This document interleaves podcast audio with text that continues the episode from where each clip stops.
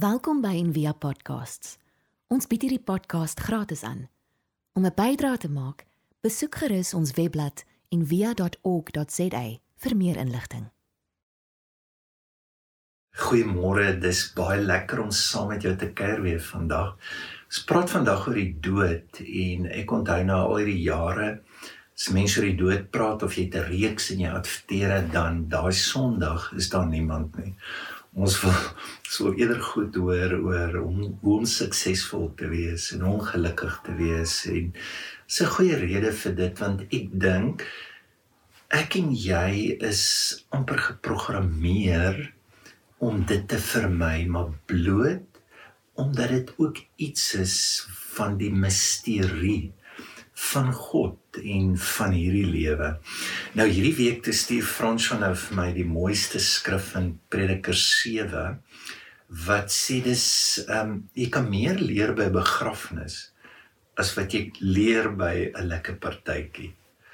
En toe ek nou die skrif vat en ek dink maar ek wil alles lees en dit het toe nou ons skrifgedeelte geword vandag 'n perikoop oor die dood. Hy's 'n leermeester. En dan God kan vir jou 'n ongelooflike gawe bring die reg om te gaan met die dood.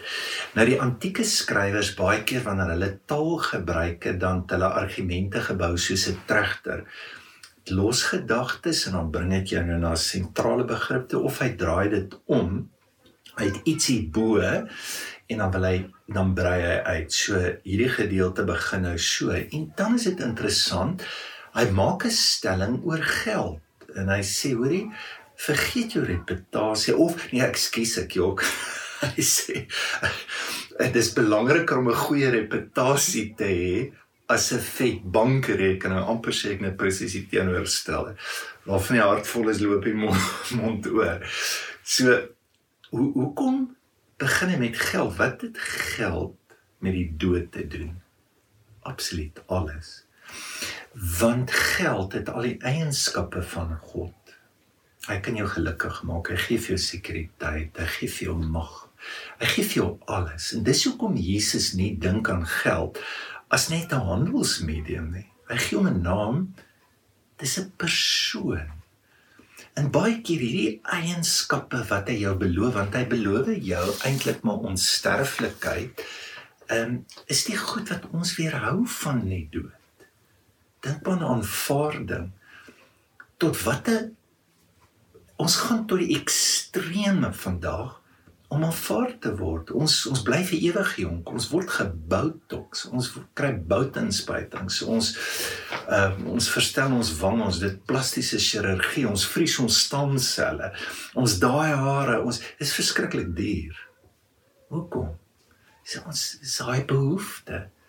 Of ons dink, hoorie, so ons net genoeg is ons aftree, nê? En hoorie ek ek is maak voorsiening vir krisisse ook jy weet dit is dit dis gesonde finansiële bestuur. Soos die ou in die Bybel wat ekstra skure bou. En Jesus wys vir jou die belaglikheid van om jou lewe te bou op hierdie goed wat jy glo jou veilig maak. En dan vertel hy die storie, maar die ou het een fout gemaak. Wat vergeet hy? Die doodsien. Dink maar net hoe wat ons alles doen om hierdie lewe te beheer of om selfs die dood te beheer. En vir een oomblik is dit asof COVID-19 hierdie geldgod se wind uitslaan en die hele ekonomie is wat tuimel en en alles bekommerd en wonder en ek dink die gawe wat ons sien nou en wat ons kan leer uit dit wat nou gebeur is weet jy dat aanvaring is nou nie so belangrik nie Verstaan jy, weet ek bedoel ek ek gaan nie nou worry oor die volgende ding wat ek moet doen om nog weer ewig jonk te lyk nie. Ehm um, ons kan nie verder dink aan aan ons sekuriteit. Jy kan ook nie meer doen nie. En wat kan ons beheer? Absoluut niks nie. Ek lees hierdie week van 'n 24-jarige student wat ehm um, sy het nou net begin werk as 'n mediese dokter. Ons skryf sy ek's 24 jaar oud en hierdie week moes ek my testament ingee by my finansiële beplanner. Nou dit 'n 24 jarige dink nie daaraan, maar ewe skielik dink ek daaraan. Ek dink net vir 'n oomblik dan as ons nou jare terug gelewe het, dan ehm um, dan is jou lewensverwagting nie lank tyd dan het jy eintlik op 24 het jy alreeds begin dink aan sulke goed want dit was verskriklik belangrik. Nou ek kan wel maar kyk elke dag nou waarna toe gaan die virus en hoeveel mense gaan dood en ja hierdie week dan sit 6000 'n dag 7000 'n dag. Die groter werklikheid van waarna ek en jy lewe is dat daar 155 000 'n dag doodgaan dit dis die groot ons ons vrees hierdie virus maar die groter werklikheid is dit. Die begrafnisse en die dood wat ek die laaste paar maande begelei het ehm um, ek kon net op een van COVID nie wees nie. Dit was die tweede persoon wat sterf het in COVID in in Suid-Afrika. Maar da, daar's iets nader aan ons lewe as as COVID-19 'n groter werklikheid van die dood. As jy asemhaal, wat dit eintlik beteken is jou asem inasem en uitblaas, het sewe mense dood gegaan in die wêreld. Nou ons blok dit uit. Want hoe kom? Monkey see, monkey do. Wat wat sien ons in hierdie samelewing? Wat verkoop hierdie samelewing? Ons sterflikheid. Elke produk.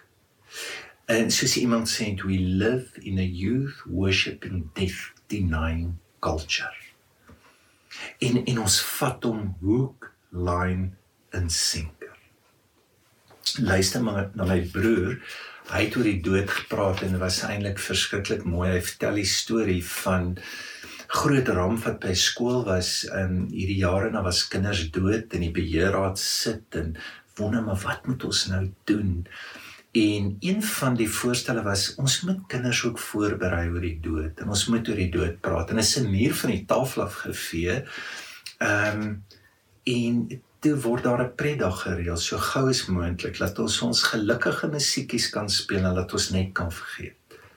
Dis presies wat die prediker sê.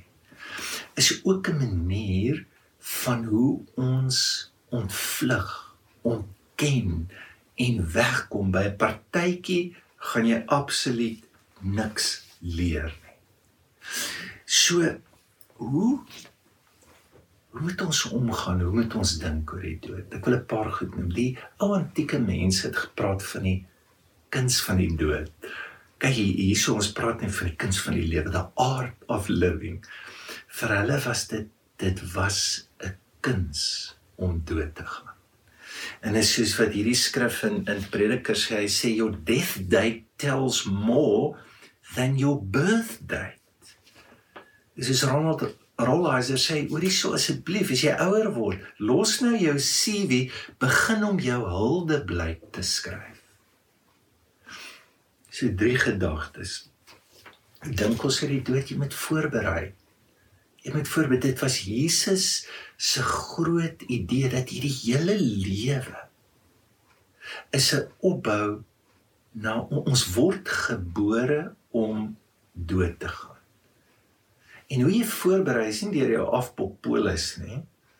Ehm um, hoe jy voorberei is 'n daaglikse omgang met God wat ook die God van die dood is net soos wat hy die God van lewe is. En wat beteken dit? Hoe hoe berei jy voor?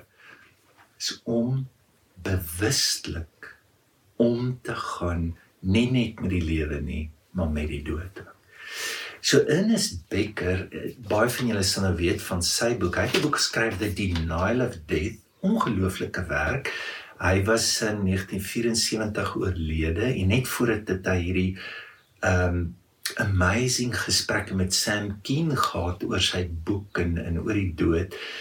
Nou hy skrywe in sy voorwoord, hy wil sy ouers net verskriklik dankie sê wat vir hom die grootste gawe gegee het van die lewe en hy noem hierdie gawe um a confusion about heroism.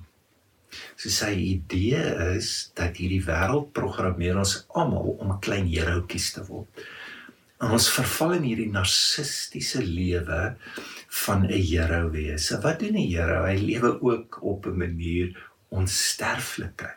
Dis maar soos ekstrem sport. So die groot ding met dit is, ja, dit is vreeslik gevaarlik en jy kom naby aan jou dood, maar weet jy wat? Ek wen my dood. Ek is ek ek ek is die Here. So in in on, on, ons verstaan nie dat ons eintlik uit die Here moet uitklim na 'n verskriklike weerbare weerlose mens wat Jesus genoem het salig is die wat weet hoe afhanklik hulle is. Hy hy hy sal jou salig aan die wat 'n verlies het, wat verloor, wat hy, hy wys vir jou daai kant van die lewe net so om die grootheid van die lewe te verstaan. In die tweede plek ja, jy moet voorberei, ehm um, wil jy nie jou eie begrafnis reël en reeds bywoon nie. Ehm um, ek dink dit daar lê 'n ongelooflike gawe in dit vir elkeen van ons. Kyk daar's 'n webwerf wat death uh, death deathclock.com of um, net kyk ja deathclock.com. So jy tik na jou geboortedatum en vra jou pa vra na gele vir jou die dag wanneer jy doodgaan. So ek gaan dood 23 Augustus 2030 Wilma was baie ontstel dat ek so jonk moet gaan. So ons weet mos nou dis is nie die waarheid, maar is baie goed. So hoeveel jare dink jy het jy? En die idee is die illusie is ons almal dink ja ons gaan 80 of nee ons gaan nou fisiek lank lewe. Niks is seker nie en die dood is nader aan my en jou as enigiets. Nou met die onderskeidingstydperke het ons e-, een van die goed wat ons doen is dat nadat ons 'n paar dae bymekaar was, dan nooi ons die persone wat dit doen uit na hulle eie dood toe. En dan laat ons hulle gewoonlik in 'n rivier lê of in 'n plek ingaan in die nag en dan nooi God na dit toe en kyk net wat se gawe jy dit ontvang. So kom ons luister net na 'n paar wat wat 'n ervaring gehad het om jou eie begrafnis by te woon. 'n Tyd gelede met onderskeidingstydperk was ons die geleentheid gegee om ons eie dood te ervaar. En onwillekeurig het my gedagtes teruggegaan na tye waar ek groot en pynlike verliese ervaar het. Nou dat ek terugdink daaraan, is ek verbaas oor hoe ek vasgeklou het aan hierdie lewe wat besig was om te vergaan en hoe ek probeer vashou aan dit wat vir my bekend was en wat vir my gemaklik was en tog het ek geen beheer oor die proses gehad nie. Ek het gelukkig uiteindelik ontspan en ek het hierdie proses sy gang laat gaan met die besef dat ek geen beheer daaroor gehad het nie en ek kan dit glad nie stop nie. Toe ek nou eers ontspan het, het ek gesien dat daar 'n totale nuwe wêreld vir my oopgegaan het, een wat ek glad nie ver, verwag het of wat ek glad nie kon beplan nie. En alhoewel daar oomblikke was wat nog steeds vir my pynlik was, was daar baie oomblikke wat vir my groot vreugde besorg het en gesamentlik het hulle vir my hierdie hierdie nuwe hoop geskep en 'n uh, 'n nuwe lewe wat ek ingegaan het waar ek vandag so dankbaar is. Toe ek op my heart quest die dood in my gedagtes innooi, het ek nie verstaan die krag van transformasie wat ek inroep nie. Dit was om afskeid te neem van 'n deel van myself wat my jare lank bedien het um om afskeid te neem van 'n pad wat ek ten diepste geken het en om 'n pad te bou soos ek kom stap. Alles is nuut en onbekend. Dit is die mooi en die seer van die ding. Die paradoks dink ek lê daarin dat die dood hand in hand kom met geboorte, 'n nuwe manier van lewe word gebore in bloed, sweet en trane of mense dit nou soek of nie. Ehm um, dit is die loop van 'n rivierstroom. Dis nooit dieselfde nie en dis altyd vol met lewe. Dis asemrowend in al sy vorms, ehm um, die mooi en die seer. Die wêreld is nuut en vol van potential. Ek is nuut. I spent some time in a ceremony called the Death Lodge. I was scared. This was my place where I'll say my final goodbyes, meeting with friends and enemies and those I cause harm and to those that inflicted harm upon me. This is my time to wrap up all that unfinished emotional and worldly issues, is to help release me from my past. I was reluctant and scared to enter that conversation, but God gently nudged me into the ceremony with a promise that it will all work out well. There was lots of tears and there was lots of grieving, mourning of my personal losses and my spiritual emptiness. I invited each painful memory into my lodge. I realized that the life I was leaving behind was filled with both joy and pain, success and failure, but with a great awareness of leaving behind a life with an absence of love. Although the thought of dying was scary, inviting God into that space made death possible. It turned into an experience filled with love and forgiveness and compassion and serenity. Ek wil dan afsluit in hierdie gedeelte wat ehm um, die prediker nou praat oor die dood. Dit is hierdie ongelooflike woorde. Sages invest themselves in grief and hurting. Dink net vir 'n oomblik daar. Hulle invest nie hulle self in aanvaarding want jy kry dit baie keer se ou mense maar 'n die center of attraction wees of hulle invest hulle self nie in sekuriteit of klou krampagtig vas so hoe hoe gaan ek hierdie laaste innings afsluit en hoe gaan ek nou uitgaan het ek genoeg? Gaan ek genoeg hê? Ehm um, is mense wat eintlik doods begeleiding doen. En hoe tragies hoe tragies is dit dat ouer mense geetiketeer word nie as wyse gryses nie, maar eerder as bejaardes, pensionaarsse, 'n wêreldlas op die ekonomie van die wêreld. Ehm um, dis dis hartseer. Waar hoe hoe wil jy oud word en waarmee gaan jy besig word? Ehm um, Paulus hierdie amazing woorde. Hy sit in die tronk en hy sê hoorie my tyd het gekom. My heen gaan is naby en ek kan nie meer wag nie. So die woord heen gaan gebruik hy 23 keer en dit is die skrifgedeelte vir 'n nooiensvaart van 'n skip. Dis hier daai champagne bottel breek en dan gaan. So dis eintlik so wanneer ons lewe begin. Dis elke keer so wanneer ons in die dood ingaan, ontvang ons die gawe van lewe.